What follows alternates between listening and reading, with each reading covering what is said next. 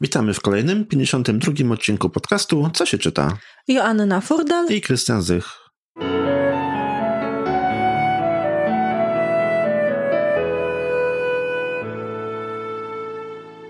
Dzisiaj mamy niespodziankę. A już nie jest niespodzianką, bo już napisałaś na Facebooku. Dokładnie, już zapowiedziałam i to już nie jest niespodzianka, ale pomyślałam, że temat będzie taki wdzięczny, a może i niewdzięczny, bo dzisiaj rozmawiamy o wszelkiej maści rozbójnikach, zbójcach, rabusiach, złodziejach i różnych typach spod ciemnej gwiazdy.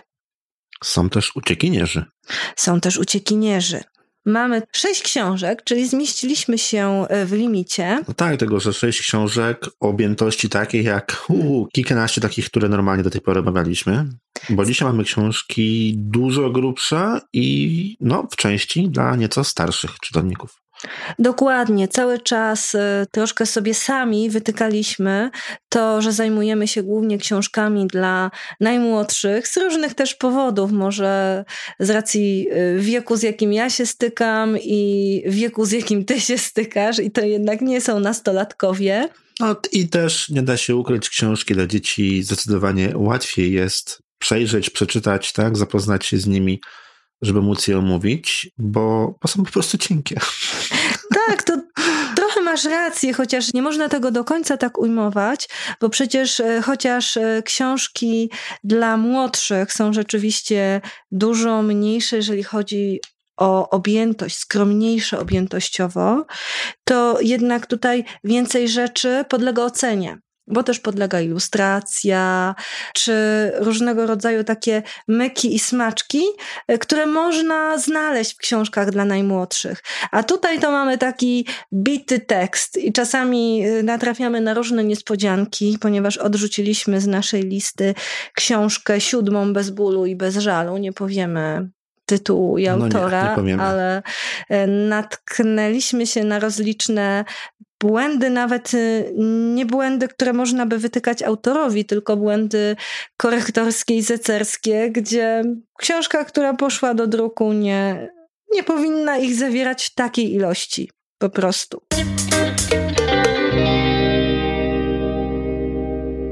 Pierwszą naszą książką, którą omawiamy, są Trzej zbójcy Tomiego Ungerera. Ta książka już się pojawiła w naszej mini recenzji i również można było ją zobaczyć na Instagramie wraz z mini recenzją oczywiście. Tak, na Instagramie, na Facebooku, natomiast w nagraniu jeszcze nie. W nagraniu jeszcze o niej nie mówiliśmy, ale bardzo się na nią czaiłam, dlatego że to jest jedna z moich y, ulubionych książek dla najmłodszych. Cały czas to powtarzam, mam bardzo dużo ulubionych książek. No właściwie większość książek dla najmłodszych jest twoja ulubiona ale mam też w różnych kategoriach wiekowych i bardzo rozmaitych kategoriach gatunkowych ulubione książki i też ich jest bardzo dużo. Po prostu lubię czytać. I tutaj mamy wydawnictwo Format i już możemy powiedzieć, bo już wspomniałam o tej kwestii jakby oceny estetycznej książki, że ta książka jest po prostu bardzo piękna już same ilustracje, z jednej strony takie proste, a z drugiej strony jednak tak mocno przemawiające do wyobraźni. Mamy tutaj wyjątkowo prostą, nieskomplikowaną opowieść o trzech rozbójnikach, którzy jak to rozbójnicy kradną, rabują, mają swoje akcesoria potem, które zresztą są tu pięknie narysowane, również budzą lęk, budzą strach atakują przejeżdżające powozy, przejeżdżające karety, czyli są takimi zbójcami, jakich my sobie wyobrażamy, takimi bardzo. No, prawdziwi rozbójnicy. Prawdziwi rozbójnicy. Ale tym oto prawdziwym rozbójnikom, którzy zbierają swoje skarby i właściwie poza tym, że oni je zbierają, nie mają dalszego pomysłu na życie brakuje w tym kobiecego myślenia. Takie mam wrażenie. I w pewnym momencie. No, kobieta by wiedziała, co zrobić z ich pieniędzmi. Dokładnie. Z ich skarbami. I w pewnym momencie pojawia się w ich życiu mała kobietka. Mała kobietka imieniem Tiffany, która jest sierotką i jedzie do ciotki, do której bardzo nie chce jechać, bo wie, że będzie tam jej źle. Ale skoro rozbójnicy zatrzymali już powóz, postanowili i tak zrabować to, co najcenniejszego w tym powozie było. A najcenniejszą zawartością powozu była właśnie mała Tiffany. I tak trafiła ona do groty rozbójników i odkryła skarby zbójeckie oraz fakt, że rozbójnicy za bardzo nie wiedzą, co robić z tymi skarbami. Może to ona, a może jej opiekunowie, którzy byli już pod wpływem swojej uroczej przybranej córki, wpadli na doskonały pomysł wykorzystania swoich bogactw. Ale nie będziemy zdradzać tego, w jakim celu je wykorzystano. Kobiety zawsze znajdą nietypowe sposoby na rozdysponowanie dowolnej kwoty pieniędzy. Ale sam powiedz, jaki to był mądry i dobry pomysł. Tak. Już nie będziemy zdradzać zakończenia, ale naprawdę zapraszamy do zapoznania się z tą historią. To jest historia, powiedziałabym, dla dwu, trzylatków, może nawet wpływać na wyobraźnię nieco starszego dziecka, ale rzeczywiście powiedziałabym, że to jest ten wiek tego takiego zainteresowania tą historią. Jest tutaj niewiele treści, uzupełniona ona jest takimi bardzo charakterystycznymi rysunkami, w odcieniach czerni i błękitu, no bo zbójcy przecież tu grasują nocą, ale w końcu te kolory się rozjaśniają wraz z pojawieniem się w życiu zbójców Tiffany i być może nie tylko Tiffany.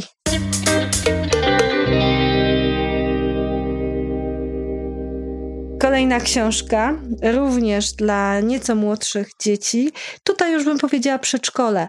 Rozbójnicy z kardamonu ilustrowana przez Mirosława Pokorę i to jest książka z serii Mistrzowie Ilustracji. Jest, no, y, ilustracje robią wrażenie. Tak, to są piękne, staroświeckie dla nas może ilustracje, które kojarzą się e, zdecydowanie z naszymi książkami z dzieciństwa, także pewnie nie tylko naszego dzieciństwa. Jest to książka dość niezwykła, dlatego że zawiera piosenki. I te piosenki są na samym końcu rozpisane w nutach. No jak to jest na nuty, ktoś pamięta nuty ze szkoły, to może sobie zaśpiewać albo zagrać. Z jednej strony pomyślałam sobie, że to jest bardzo ciekawa propozycja. Ta książka była i ekranizowana, i też były, e, były tutaj robione na jej podstawie przedstawienia, oczywiście muzyczne, ale tak sobie pomyślałam, że mogłaby chociaż fragmentarycznie, niekoniecznie jako całość, być świetnym materiałem warsztatowym dla nauczycieli. Mhm, zdecydowanie. Tak. I, I tutaj e, pod tym względem. Tak, bo z jednej strony jest ciekawa historia, z którą można popracować, a z drugiej strony właśnie te piosenki na końcu. Tak, to znaczy piosenki występują w trakcie treści, no, ale tak, są. ale na tak, końcu są one e, rozpisane. Tak? Rozpisane, dokładnie. Miasto Kardamon jest miastem kompletnie wymyślonym. Jest to taka typowa powieść utopijna dla dzieci. I tu Pan Egner jest Norwegiem i stworzył swoje własne wyobrażenie miasteczka w Norwegii. Choć to miasteczko, Kardamon, nie było znane Norwegom ani nikomu innemu. Miasto Kardamon jest bardzo małe, a leży tak daleko, że prawie nikt o nim nie wie. Oczywiście oprócz ciebie i mnie i jeszcze paru tylko osób. I takie to jest to miasteczko Kardamon. Bohaterowie tego miasteczka są bardzo charakterystyczni. Mamy tutaj i piekarza, mamy policjanta, który tak naprawdę nie bardzo wie, co robić z przestępcami. Mamy także uroczą żonę, mamy ciotkę Zofię, która zajmuje się opieką nad małą Romianeczką, chłopca, e, który jeździ na e, osiołku, rzeźnika i każdy w jakimś e, pewnym stopniu jest taki typowy, ale te postacie są stworzone w taki sposób bardzo charakterystyczny, stereotypowy. Jest to taka historia wyjątkowo ciepła, moim zdaniem nadająca się również do snu, bo chociaż występują tu rozbójnicy, to i ci rozbójnicy nie budzą grozy. Ojej, no to co to za rozbójnicy? No właśnie tacy niezbyt dzicy, niezbyt dzicy rozbójnicy. W starym, wysokim i dziwnym domu, w zupełnym odosobnieniu, na równinie poza miastem Kardamonem, mieszkali Kasper, Jasper i Jonathan. Kasper był najstarszy, Jasper najładniejszy, a Jonathan najbardziej łakomy. Wszyscy trzej byli rozbójnikami, ale nie tak złymi jak inni zbóje. Przeważnie spędzali czas u siebie w domu. Jako zwierzę domowe, zarówno dla przyjemności, jak i dla pożytku trzymali lwa. Lew ten był bardzo miły i niewiele wyrządzał szkód. Odgryzł pewnego dnia Jasperowi duży palec u nogi, ale Kasper utrzymywał, że to nie miało zbyt wielkiego znaczenia, bo kiedy Jasper włożył buty, nikt niczego nie dostrzegł. Wow. Także tacy to byli no Tak, czyli to nie oni byli groźni, tylko oni od tego mieli lwa. Kiedy byli głodni, to wybierali się wtedy na rozbój, a kradli to, na co mieli ochotę, czyli potrafili ukraść mięso od rzeźnika, potrafili ukraść. Pizzę. Pizzy chyba nie, ale rzeczywiście pierniki y, były kradzione, no były również chałki kradzione, chleby. Ale mimo, że zdarzały się takie rzeczy, policjant nie bardzo wiedział, co tu z tym fantem zrobić, tak, że w pewnym momencie to obywatele wzięli sprawę w swoje ręce i Kasper, Jasper i Jonathan trafili do aresztu.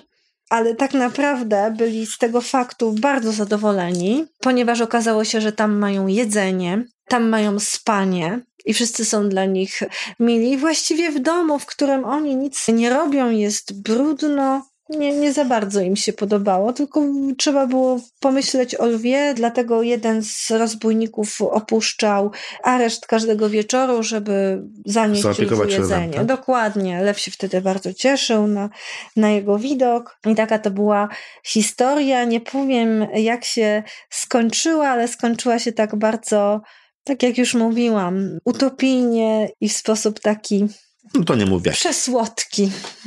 Sposób przesłodki. Nawet mamy tutaj delikatny wątek miłosny, ponieważ w pewnym momencie Kasper, Jasper i Jonathan uznali, że potrzeba im kobiecej ręki. Niestety porwali ciotkę Zofię. I ciotka Zofia jako urodzony menadżer od razu znalazła im zajęcie. I byli bardzo zaskoczeni, że to nie ona będzie. Co ci rozbójnicy mają z tymi kobietami? No i ciotka Zofia została odniesiona do domu, ponieważ nie spełniła oczekiwań, ale historia miała swój ciąg dalszy. Także nie będę już tutaj zdradzać. To, w jaki sposób to miasteczko zostało przedstawione w taki cukierkowy, bajkowy, wręcz aż przesłodki, zresztą tutaj na, na autorze szwedzcy krytycy nie zostawili suchej nitki ze względu na, na nadmiar tutaj tego. E, Za słodkie, tak? Jak ta, dla Skandynawów? Y, tak, dokładnie, na nadmiar tego cukru. Uznali, że produkt jest niezdrowy, ale nam się podoba. No w sumie te skandynawskie książki z reguły aż takie słodkie nie są. I faktycznie Skandynawowie raczej takich książek nie piszą. Nie, ale jak już zauważyłeś, mamy dość ciekawy rozdźwięk, jeżeli chodzi o autorów. Tak, pierwsza książka była francuskiego autora, druga norweskiego, trzecia jeszcze austriackiego. nie wiem. Austriackiego. Potem jest jeszcze... O, dobra. Tak. Potem powiemy. Potem powiemy. Tu się naśmiałyśmy z panią z biblioteki, żadna z nas tego nie umiała wymówić. Hotzenplotz. Mamy tutaj rozbójnika Hotzenplotza, ale to nazwisko jest przecudowne i ma bardzo duże znaczenie w tej książce, bo jest źródłem takiej zabawy w książce. Powiedziałabym, że ta książka też jest dla przedszkolaków, ale pewnie i jeszcze dzieci w wieku wczesnoszkolnym się przy niej ubawią. Troszkę mi przypominała inną książkę, żeby nie było nadmiaru tych podobieństw, bo tak naprawdę to są dwie różne książki, ale chodzi mi o Na szczęście mleko. Na szczęście mleko pełna absurdów i zwrotów akcji, których się nie spodziewasz. To jest mhm. właśnie taka książka. Przygoda goni Aha, przygodę, absurd. Styl podobny, tak? To taki mhm. styl podobny. Temat zupełnie inny, ale styl właśnie taki podobny, że naprawdę może być wszystko. W pewnym momencie pojawia się wielki kumak. Ojej. Bo ma prawo. No w sumie tak, no, no czemu tak. nie? Historia zaczyna się od tego, że pewien znany rozbójnik napada na pewną babcię. A jest to babcia niewłaściwa, ponieważ ma bardzo No rozsądnego i sprytnego wnuka. Trzecia książka, trzeci rozbójnik ma problem z kobietą, tak? Nie, Krystian, w ogóle przekręciłeś. I oto rozbójnik Hotzenplutz ukradł babci młynek do kawy. Niezwykły młynek, ponieważ ten młynek podarował jej wnuczek i ten młynek wygrywał przepiękną melodię na polu kłos się ściele. I babcia zawsze mieląc kawę była bardzo szczęśliwa, ponieważ słyszała tą melodię i myślała o swoim wnuczku. Babcia pozostała na ławce przed domem, blada i drżąca jak osika.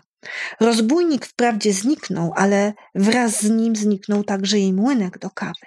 Po jakimś czasie zaczęła odliczać. Posłusznie liczyła do 999. Jeden, dwa, trzy, cztery. Niezbyt szybko, ale też nie za wolno. Niestety przez zdenerwowanie tak często się myliła, że co chwila musiała zaczynać od początku. Gdy wreszcie dotarła do 999, wydała z siebie długi i przeraźliwy krzyk. Po czym padła zemdlona. Jak to bywa? Przybywa policja. Na miejsce zdarzenia przybywa policja. Policja jest troszkę nierozgarnięta i nie garnie się do pracy innej niż protokołowanie i zachęcanie ludności do tego, aby pomagała policji.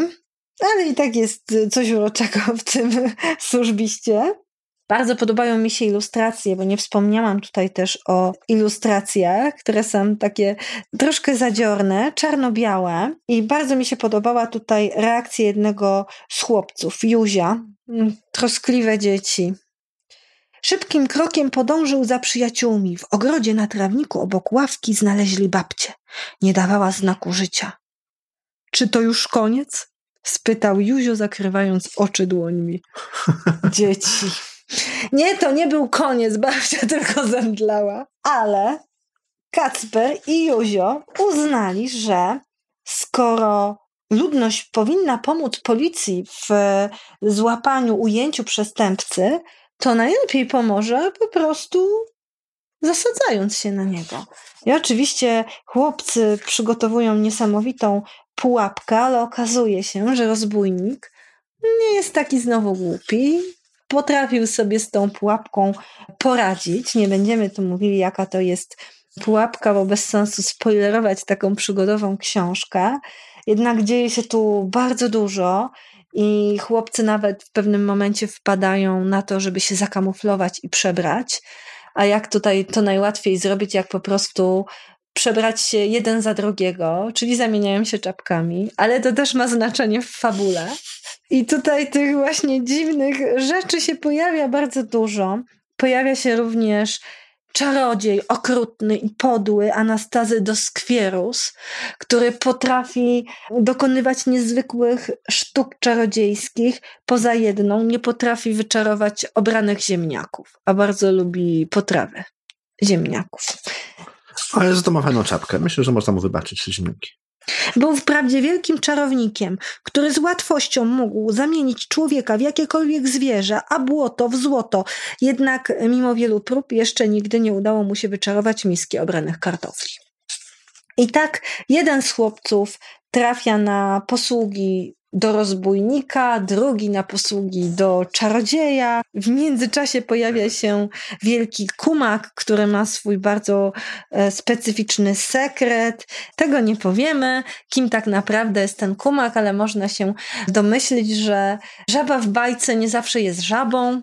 I tu w tym przypadku też tak, nie jest żaba w bajce żabą. nie zawsze, z reguły żaba w bajce nie jest żabą I również nadejdzie wielki dzień wachmistrza Gąbanińskiego, czyli naszego wspaniałego detektywa, który jest najlepszy w protokołach i nawet raz zmarnował papier niepotrzebnie, na co się bardzo zezłościł na chłopców, ale o tym już nie będziemy mówić. Wszystko skończyło się dobrze, przygód było tu protokoły, czytelnicy sobie przeczytają sami. dokładnie, przygód tutaj nie zabraknie.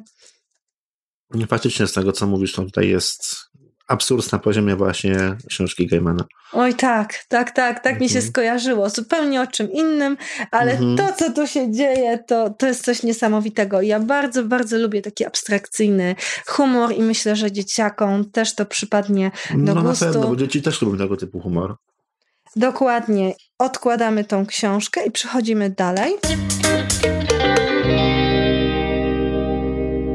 Kolejna książka z naszej polskiej półki, zresztą też zaliczana do yy, No takiej właściwie klasyka już można powiedzieć, tak? klasyka, ale do takiej powiedzmy powieści detektywistycznej dla dzieci. Mhm. I mamy znane nazwisko Adam Bardaj, znane być może Znane i lubiane. Znane i Zresztą lubiane. Książka zebrała przez ostatnie wiele lat bardzo dużo pozytywnych opinii, recenzji. Do tej pory dzieci, młodzież po nią sięga, bo to jest taka książka, która myślę nawet nie znudzi dorosłego. Nawet czytałam taką recenzję pani, która przeczytała ją nie w celu zrecenzowania, tylko zwyczajnie dla siebie.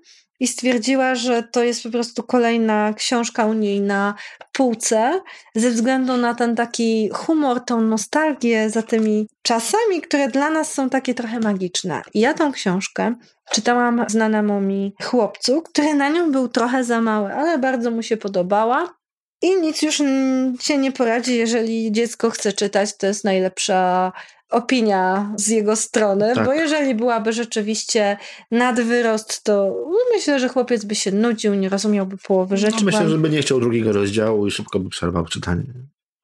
Książka jest specyficzna. Równie dobrze mogłaby się znaleźć w odcinku o detektywach, ale uznałam, że tutaj będzie nam pasować do tych takich łotrzyków i złodziejaszków.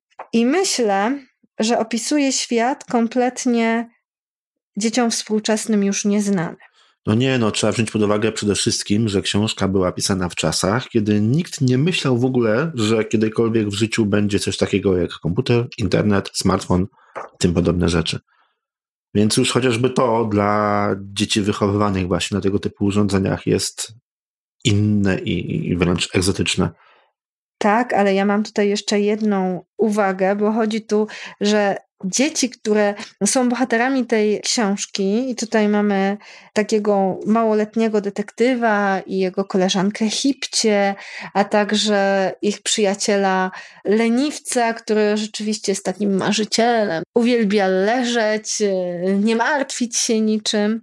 Ale dzieci tutaj nie mają takiej kontroli rodzicielskiej, jak się teraz widzi. Tej kontroli praktycznie nie ma. Dzieci po prostu wychodzą i idą się bawić, i nikt nie wie, co tak naprawdę robią. A A to chyba trochę tak było. Że tak dzieci było. po prostu wychodziły na dwór, mówiły, że idą się bawić i po prostu szły. Ale może powiemy, o jakiej książce mówimy, czy nie powiemy? A ja nie powiedziałam. Nie. Uwaga, czarny parasol Adama Bagdaja. Ojej, rzeczywiście. A myślę, że specjalnie nie mówisz. Nie, nie było specjalnie. Cała historia zaczyna się od zaginięcia pewnego jamnika. Skoro zaginął jamnik, to jest potrzebny Kubuś detektyw.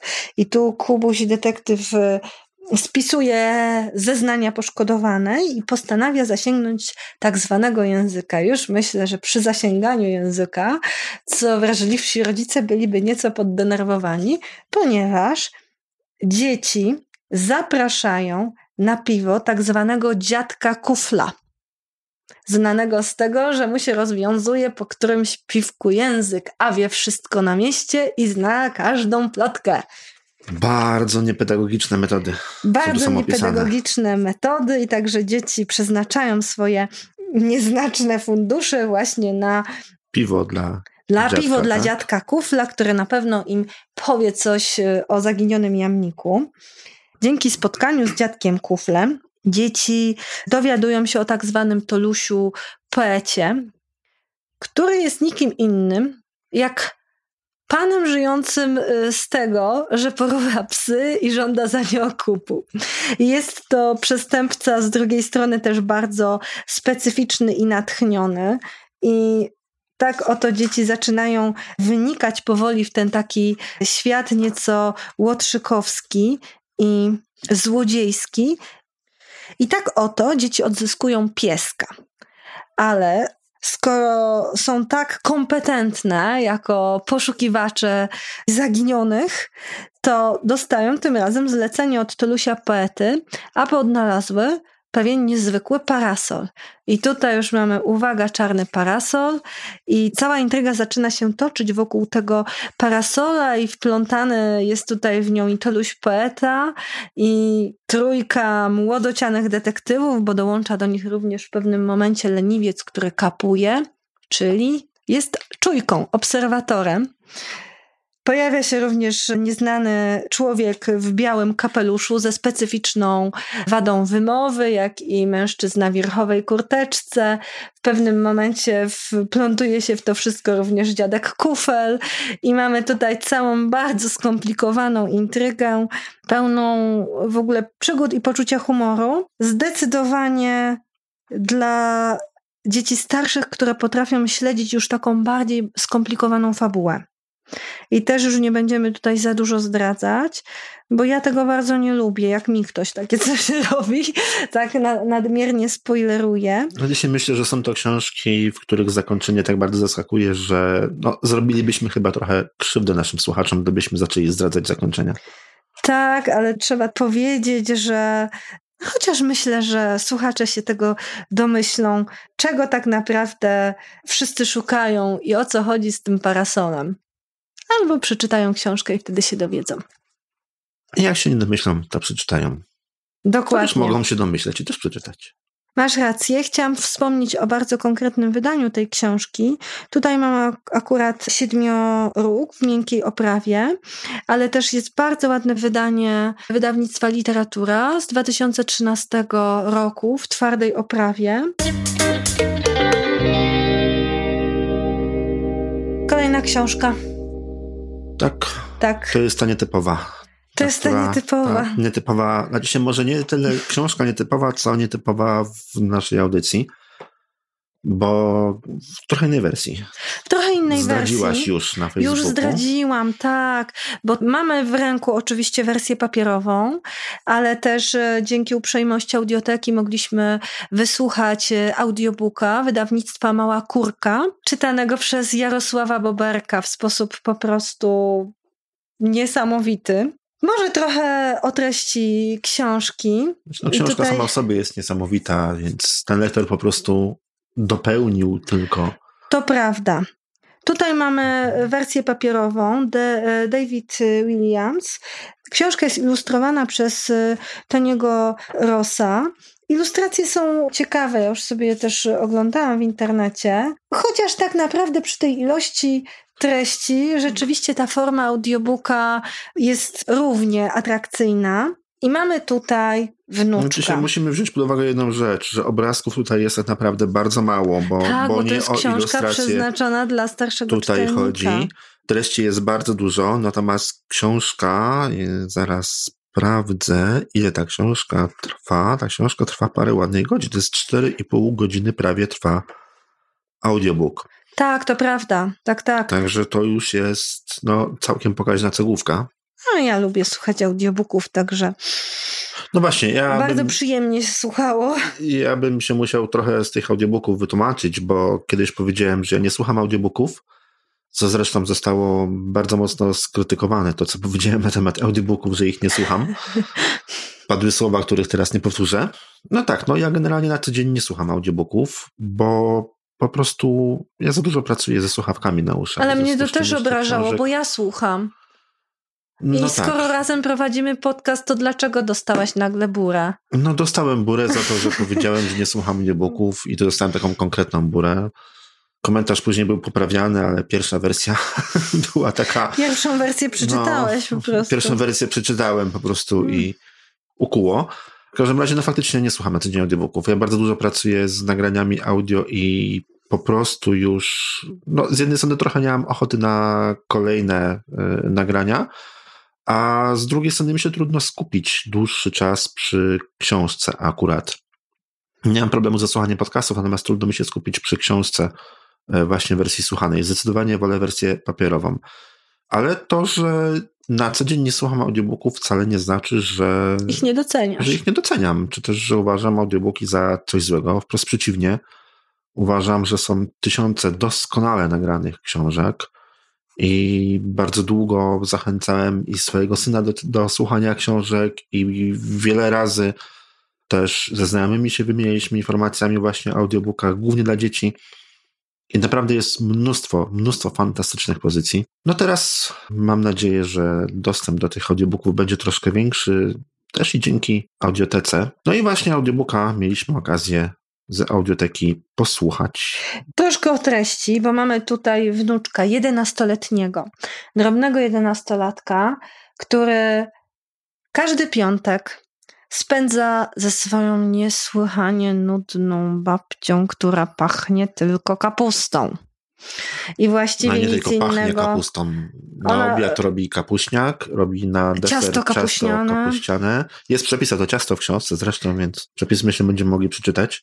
Także pachnie kapustą, robi do jedzenia wyłącznie kapustę. I puszcza kapuściane i bąki. Kapuściane bąki, ale w pewnym momencie się okazuje, że ta kapusta ma całkiem jeszcze inne zastosowania. Tak, dokładnie, że może stanowić również broń. Tak.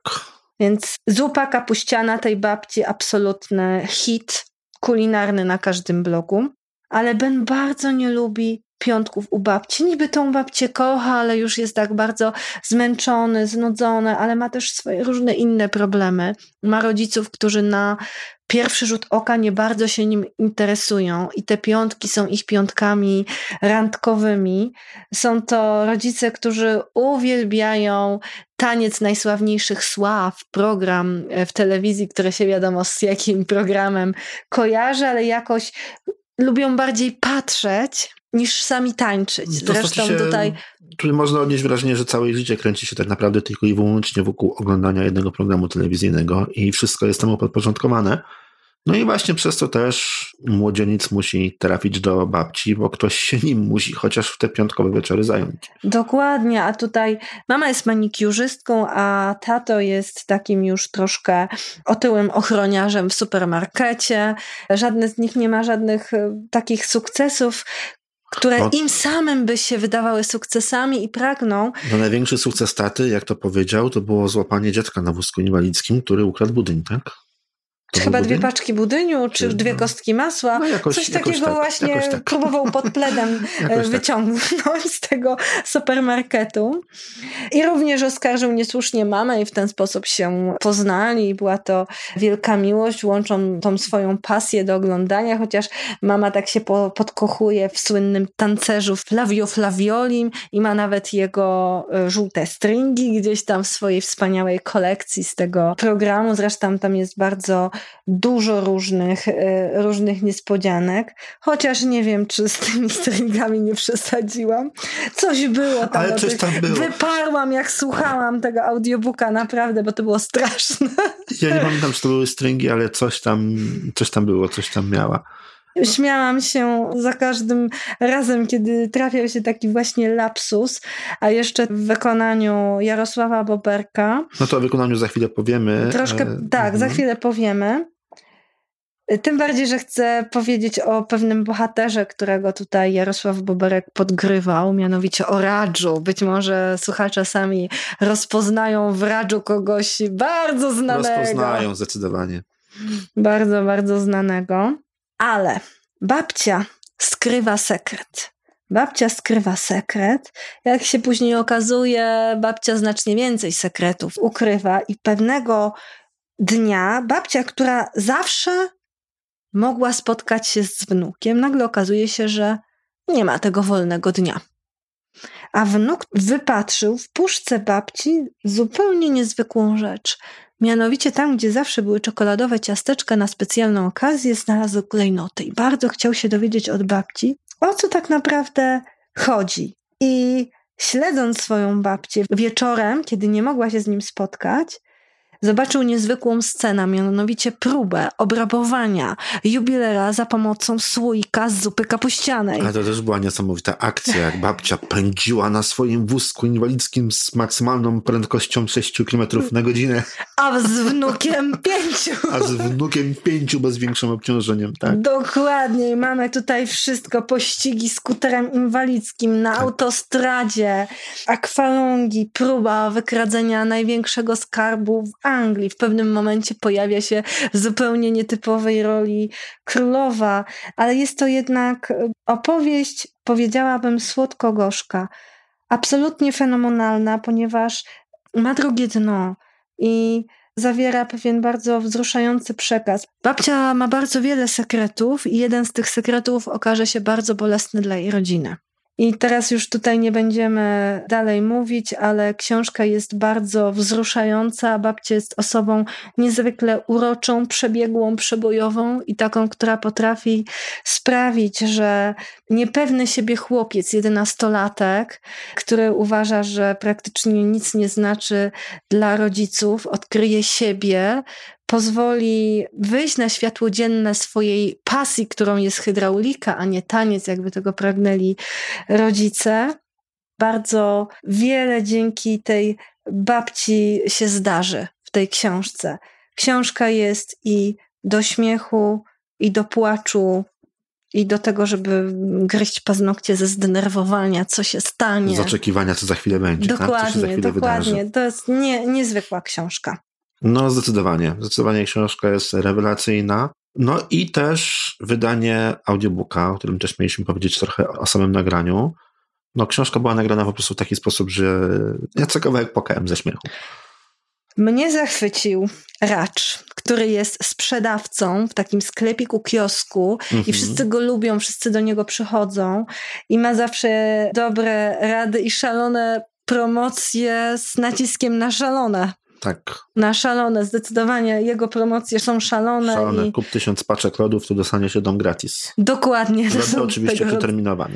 Tak, są tego rodzaju promocje, ale też kto posłucha tego audiobooka, na pewno od razu będzie wiedział, z jaką postacią kojarzy się Racz. A Racz kojarzy się z pewnym bardzo znanym królem i podpowiem, że król ten nie, mów, jest nie, człowiekiem. Mów, nie, mów, nie, mów, no nie, nie, mów, dalej już nie powiem. Teraz stał na rozkładanej drabince i rozwieszał świąteczne dekoracje.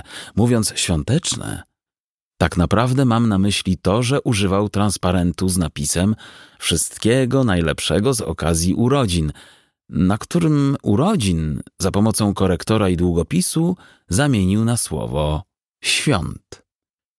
Racz ostrożnie zszedł z drabinki, by pomóc Benowi w poszukiwaniach. Dwutygodnik hydraulika. Zaraz, zaraz, zaraz. Niech pomyśla. A sprawdzałeś się obok karmelków? spytał Racz. "Hm, Tak, odparł Ben. "E, nie ma go pod kolorowankami? Nie. Pod balonówką też sprawdzałeś? "Mm, Tak. Bardzo dziwna sprawa, drogi chłopcze. No, wiem, że zamówiłem dla ciebie jeden egzemplarz. Ta. Hmm, hmm, hmm, tajemnicze zniknięcie. Racz mówił bardzo powoli, jak to robią ludzie, gdy się nad czymś zastanawiają. Tak mi przykro, Ben. Wiem, że uwielbiasz ten magazyn, ale no, no nie mam pojęcia, gdzie się podział. A mam za to, mam za to promocyjną ofertę na zakup rożków. Mamy listopad, Racz. Na dworze straszna lodówa, odparł Ben. Kto by chciał teraz jeść lody? Każda, gdy dowie się o promocji. Posłuchaj tylko. Kup dwadzieścia trzy rożki, a otrzymać jeden gratis. a po co mi dwadzieścia cztery rożki? Roześmiał się Ben.